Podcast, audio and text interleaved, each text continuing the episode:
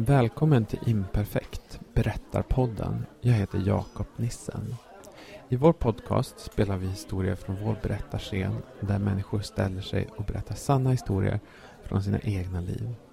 Denna vecka har vi en historia från en kväll som vi kallade Det okända. Historier i främmande element. Berättare är Helga Nöll.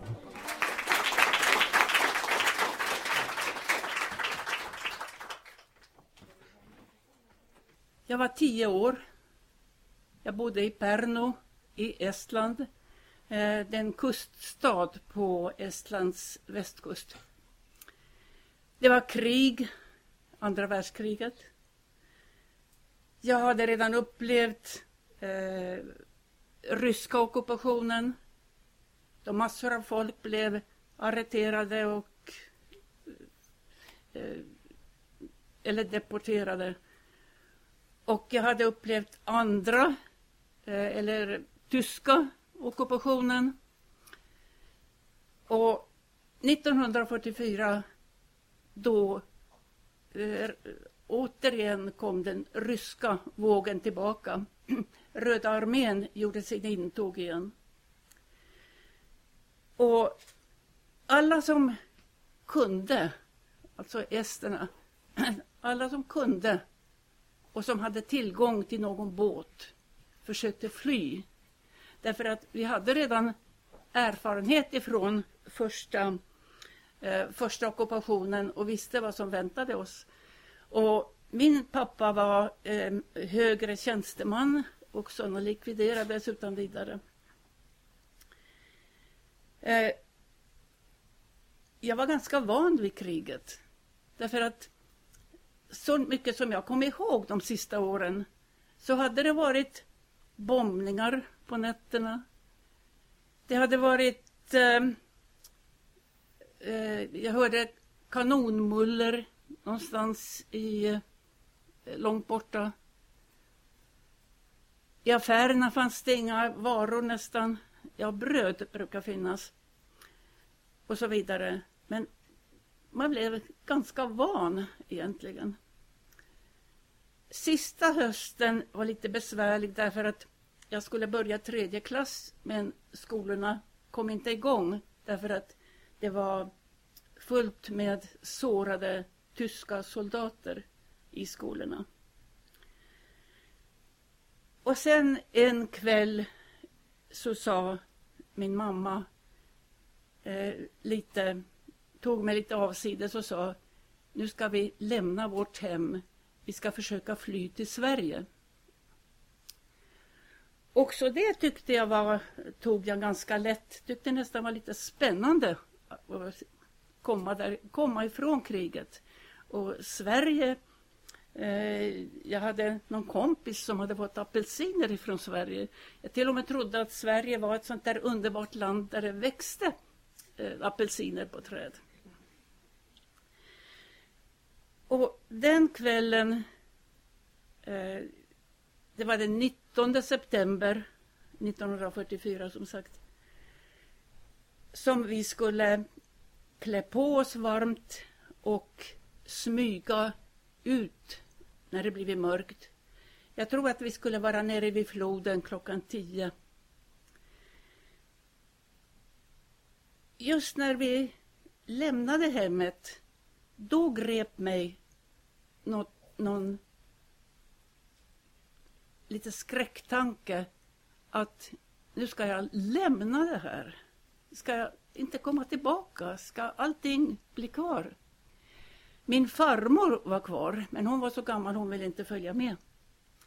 Eh, mest synd tyckte jag förstås att lämna två kycklingar, som halvgamla kycklingar som jag hade. De skulle jag sakna. Men hur som helst så pappa och mamma och hade två yngre bröder. Vi pälsade på oss ganska mycket. Och pappa och mamma ledde varsin cykel och så hade eh, någon väska och någon, eh, något stort paket på cykeln då. Men jag och mina bröder, vi fick gå. Vi fick hålla varandra i hand för att inte tappa bort oss. För att när vi kom ut på gatan så var det helt mörkt. det var eh, mörkläggning. Eh, det hade det varit de senaste åren. Mörkläggning alltså för att inte främmande flygplan skulle se var städerna fanns någonstans. Och vi eh, eh kom ut på gatan och först då började jag liksom gripas av skräck för att jag kände att nu kommer det okända, mörka. Luften, mörkret grep mig på något sätt. Båtar fanns ju liksom inte att tillgå egentligen. Men pappa hade av en händelse eh, råkat få kontakt med någon som hade en gammal eh, flodprom, var det väl närmast. En tio meter lång öppen båt eh, som eh, inte hade fraktat människor förut utan eh, eh, de hade kört sand eller grus med den båten. Men eftersom det var kris och det var panik att försöka fly, försöka komma iväg så tog man allt flytetyg som fanns. Och man hade byggt, eh, försökt att eh, bygga säten eller långbänkar utefter, utefter eh, eh, båtbordet. Eh, och eh, ja, de hoppades att motorn skulle komma igång. Eh, Berno ligger som sagt vid havet men eh, båten låg eh, utefter Pernofloden, en fl stor flod och en bit ut, alltså eller in i landet. Så att för att komma, för att komma med båten och ut på havet så måste vi under en stor bro, Storbernos storbro heter det till och med. Och på den, vakt, på den bron så var det en tysk vakt med kulsprutepistol som höll reda på att inga obehöriga skulle eh, komma ut eller åka förbi. Och det var absolut förbjudet att lämna landet. Fast tyskarna själva hade eh, höll på att retirera så tillät de inte esterna att fly. Eh, utan man skulle stanna kvar och försvara landet eh, så att de själva kom iväg. Ja, vi kom hela, eh, ner till floden.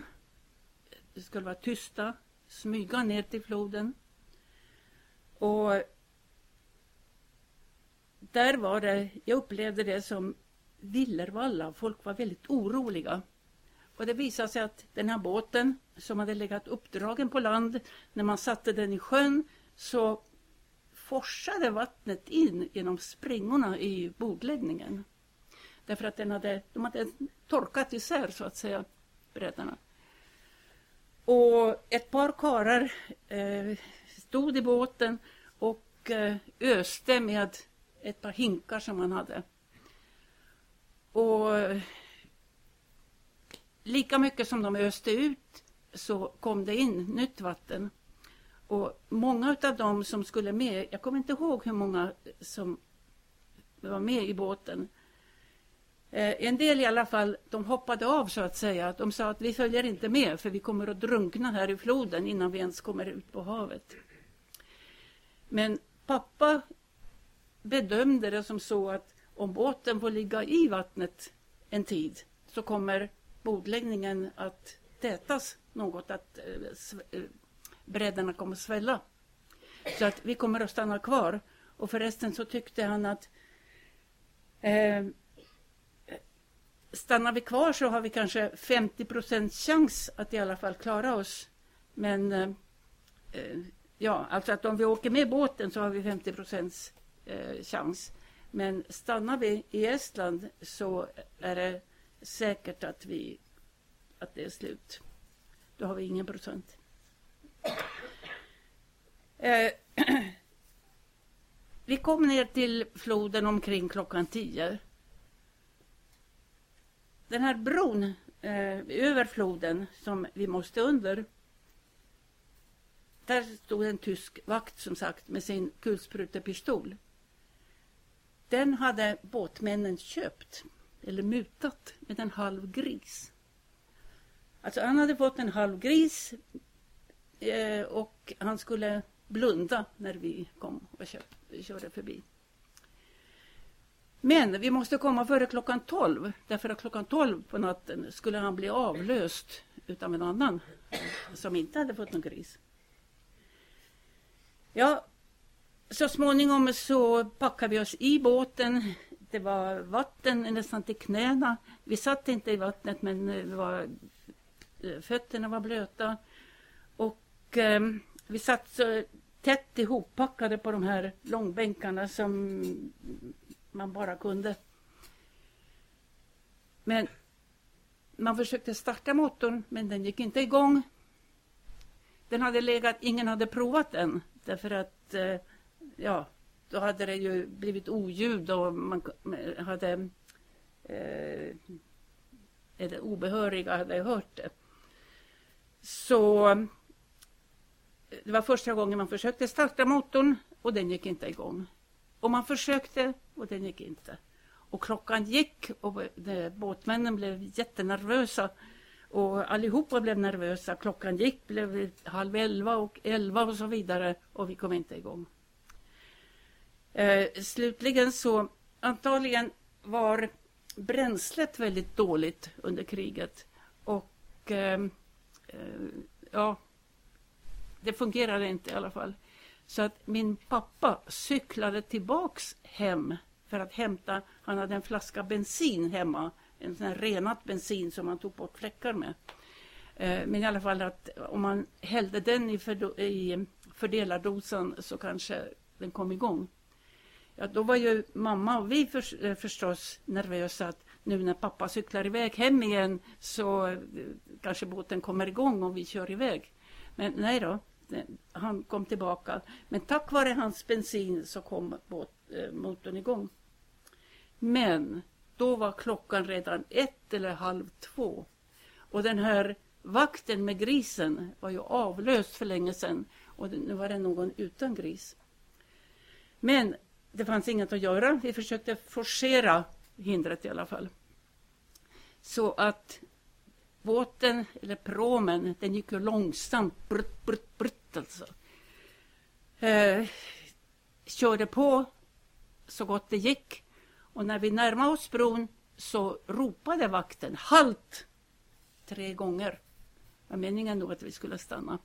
Men det gjorde vi ju inte naturligtvis. Vi forcerade det hela och under bron, eh, eller kom under bron, så sköt han med, av, med sin kulsprutepistol efter oss. Jag kommer ihåg, mamma skrek ner med huvudet, ner med huvudet, huka er, huka er. Så att alla, alla tryckte ner huvudena. Och, men jag hörde att det splashade av kulor runt om båten. Men hur som helst så kom vi under bron och förbi och ingen blev träffad. Sen har jag tänkt att det måste vara en himla dålig skytt. Eller också så siktade han för, eh, bredvid med flit. Därför att tyskarna var också människor. De var tvungna att ha sitt krig som Hitler och de andra bestämde över. De var tvungna att ha sitt krig och de var tvungna att skjuta, de hade sina order. Men de kanske, han kanske inte ville skjuta oss i sank. Han såg ju att det var en flyktingbåt och med barn ombord. Hur som helst, men när vi hade kommit förbi eh, bron och eh, eh, skulle upp på havet vakten eh, skulle ju bli straffad själv om han lät någon passera så han var tvungen att ringa efter kustbevakningen, tyska kustbevakningen. Och det gjorde att de ryckte ut med sin snabba resebåt. Eh, som gick ju hundra gånger fortare än vad vi kunde. Och ryckte ut efter oss. Men av någon anledning, vi som satt där i båten eller det fanns väl ingen kapten egentligen och de hade ingen kompass. De använde bara min pappas orienteringsskogskompass alltså. Så att i Villervallan så visste vi inte åt vilket håll vi skulle. Och båten kom alltså på, eller vår prom kom på villovägar. Så att istället för att åka ut på havet så kom den eh, in i vassen och, och och eh, fastnade, gick på grund på några sandbankar som eh, var någon kilometer bort. Men det blev vår räddning. Därför att den här snabba resebåten var ju efter oss eh, och vi såg i mörkret, det var ju helt mörkt, hur den lyste upp havet, alltså rakt, rakt västerut då. Så den eh, brakade iväg efter oss.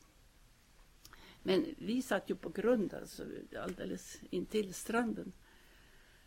Eh, sen återvände den här eh, resebåten eh, efter någon kvart eller halvtimme. Och de tänkte säkert att hur kunde den här, vad det verkar vara långsamma promen komma iväg? Eller om den sjönk på vägen eller vad det hände. Nej då, men vi lurade i vassen. Vi lurade där hela natten tills det blev morgon. Och då fick en del eh, kasta sina medhavda väskor, så mycket de hade, eh, över bord för att komma loss. Och de stakade också med någonting så att hur som helst så kom vi loss i alla fall. Eh, och, eh, men fortfarande när det var halvmörkt eller gryning så körde de vidare. Och eh, eh, jag tror att de eh, vad heter det, stannade och eh, eh vänt, väntade in eh, eh väntade in morgonen. Vi såg inte, vi såg inte sjömärken, vi såg inte grund, vi såg inte någonting. I alla fall nästa morgon så kom vi iväg. På eh, vägen på eh, när vi siktade, vi gick mellan eh, med stora ön Ösel och så Lettlands eh, norra udde. När vi kom ut på Östersjön då riktigt, då blev det också kris. Dels så kom det en tysk konvoj, tyska stora båtar där de eh, evakuerade folk kom liksom med jämna mellanrum. Och eh, vi hade ingenstans att ta vägen utan det var bara att köra, köra förbi mellan två stora båtar.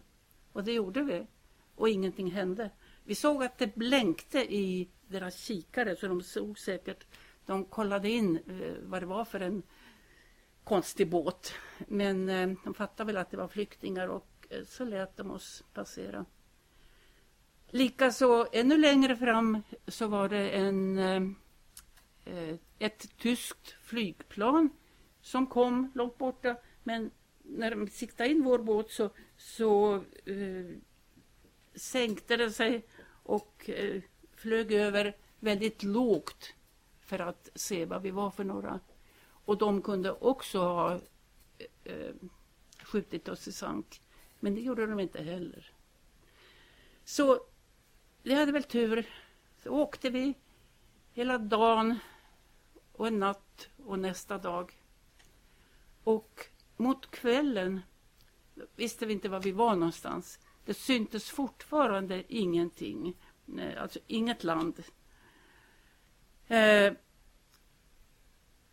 eh, och kompassen, eh, ja, kompassen pekar väl västerut men hur mycket vågorna och vinden och avdriften liksom var, det hade de ingen aning om. Så vi visste inte vad vi var. Och det höll redan på att bli skymning den kvällen också. Och det verkar som det blev att det var oros, eller vad heter det, eh, stormtecken, oväderstecken på himlen. Och, tänkte, och bränslet höll, höll, på att ta slut därför att båten var så tungt lastad, det var så många i båten. Så de var rädda för att vi att bränslet skulle ta slut och vi skulle bara bli stående så skvalpa där och dessutom storm då. Men sen var det tydligen någon som hade bra ögon eller råkade titta, inte åt det håll vi körde åt utan eh, mera åt eh, eh, sydväst då.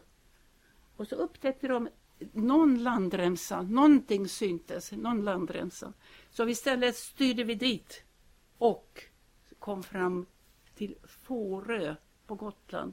Fårös eh, norra eh, norra eh, strand eller udde där. Och det var ju tur det också för att hade vi missat Fårö och Gotland eh, då hade så mycket hade inte bränslet räckt så att vi hade eh, kunnat åka till fastlandet. Och på Gotland så var det eh, så var det svenska kustbevakningen som tog emot oss.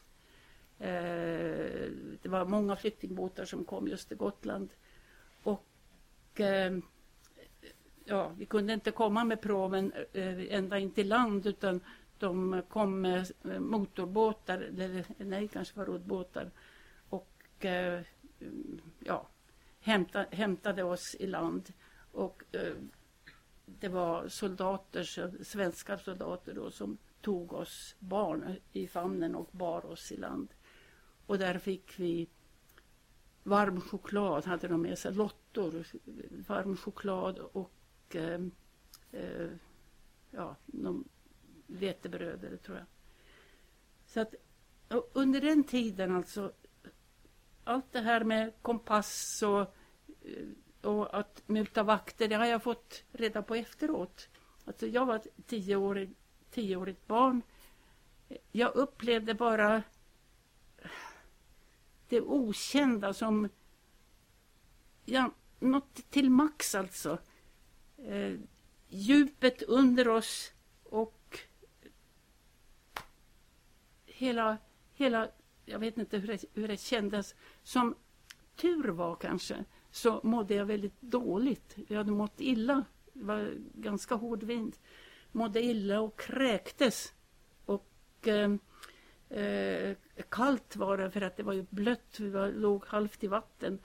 Det sydminnet som jag kommer ihåg var att det flöt en brödlimpa förbi mina ögon. En brödlimpa alltså, som flöt. Alltså det måste ha funnits vatten. Så att vi var så medtagna när vi kom fram så att jag hann inte liksom psykiskt få in den här skräcken som eh, man annars skulle ha fått. Och det här har... Eh, sen kom vi på flyktingläger, många flyktingläger. Det tog ett år eller mera innan vi eh, fick eh, ja, innan pappa fick något slags jobb och började tjäna pengar. Och, och eh, eh, vi vande oss. Vi fick börja i svensk skola så småningom fast vi inte kunde svenska. Men vi blev vana så det okända blev så småningom känt. Nu när den här nya flyktingkrisen har kommit. Nu vaknar det till liv igen. Nu kommer jag ihåg igen eh, hur det var och berör mig ganska illa. Men jag måste säga att jag fortfarande är Sverige tacksam för att Sverige tog emot.